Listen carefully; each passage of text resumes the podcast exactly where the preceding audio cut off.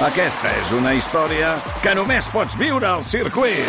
24, 25 i 26 de maig. Gran premi Monster Energy de MotoGP al circuit de Barcelona, Catalunya.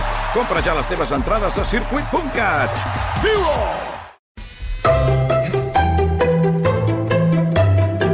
Històries per explicar a l'hora de sopar.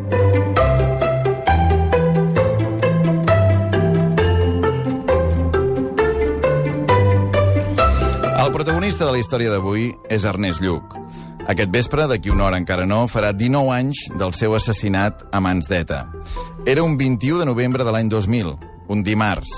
La nit abans, Ernest Lluc, que té 63 anys, seu en aquest mateix estudi de rac Com tots els dilluns, fa un cara a cara amb el seu amic Lluís Foix, al Cafè Baviera de Xavier Bosch.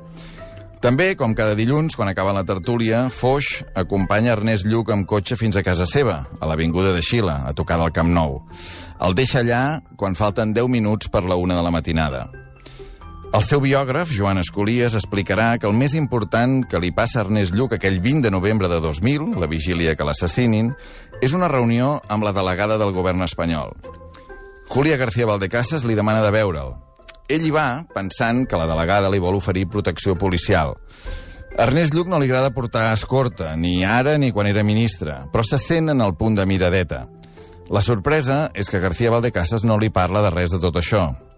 Només el vol renyar perquè Lluc ha criticat en una tertúlia el pare de la delegada, un dels molts repressors que van actuar en el seu moment al servei del règim franquista. Aquell dilluns, Ernest Lluc no pot dormir gaires hores.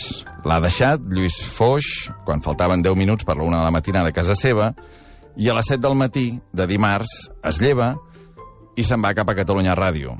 Des d'un dels estudis de l'emissora pública participa en una tertúlia a Ràdio Euskadi, la seva estimada Euskadi.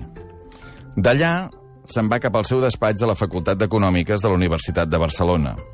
I passa tot el dia, una companya de departament ha portat el seu fill perquè el conegués, perquè el coneguessin tots els companys.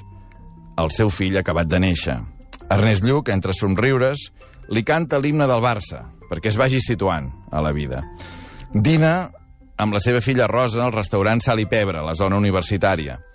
I a la tarda, doncs, una tarda qualsevol, d'un quadrimestre que no tinguis classes, reunions, trucades, visites, un pròleg que has de fer per un llibre...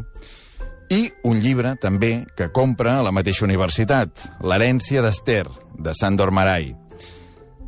Arriba el moment de marxar, aquell dimarts 21 de novembre de 2000. Ernest Lluc agafa el seu Seat Toledo i se'n va cap a casa seva, a l'Avinguda de Xila. A dins del pàrquing ja l'esperen dos membres del Comando Barcelona d'ETA, José Ignacio Cruchaga i Fernando García Jodrà. Ernest Lluc aparca el cotxe a la segona planta del pàrquing i quan en baixa, dos trets que surten de la pistola de Cruchaga acaben amb la seva vida. Els terroristes surten del graig. A fora els espera un tercer membre del comando, l'Ierni Armendariz, que condueix un Ford Fiesta. El cos de Lluc el trobarà un veí al pàrquing al cap d'un parell d'hores. Cruchaga, García Jodrà i Armendariz no seran detinguts fins al cap de dos mesos, al gener, al gener de 2001. En aquest temps encara hauran tingut temps de matar dues persones més. Una el 14 de desembre, el regidor del PP a Viladecavalls, Francisco Cano. L'altra, el 20 de desembre, el guàrdia urbà Juan Miguel Gervilla, el mateix dia que també ho tenien tot preparat per assassinar el periodista Luis de l'Olmo. Són setmanes en què Catalunya és molt castigada pel terrorisme d'ETA. L'impacte de la mort d'una persona tan estimada i respectada com Ernest Lluc es nota a tot arreu, també al carrer. Tres dies després, en una manifestació que omple el passeig de Gràcia, les cròniques tornen a parlar d'un milió de persones, com en aquella mítica diada de 1977.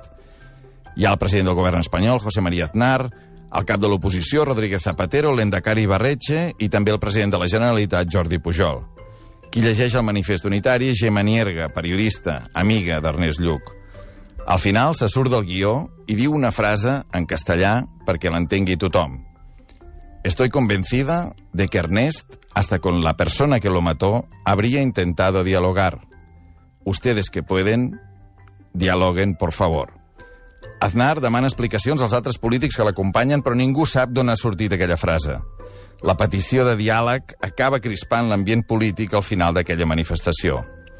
Passaran els anys i la filla d'Ernest Lluc, que aquell 21 de novembre de 2000 dinava amb el seu pare, Rosa Lluc Bramont, agafarà la bandera del diàleg i parlarà, dialogarà amb l'esquerra Versale per buscar allò que el seu pare tant desitjava i que no va poder veure en vida, la pau, la que tenim ara i la que avui li volem dedicar a ell, Ernest Lluc.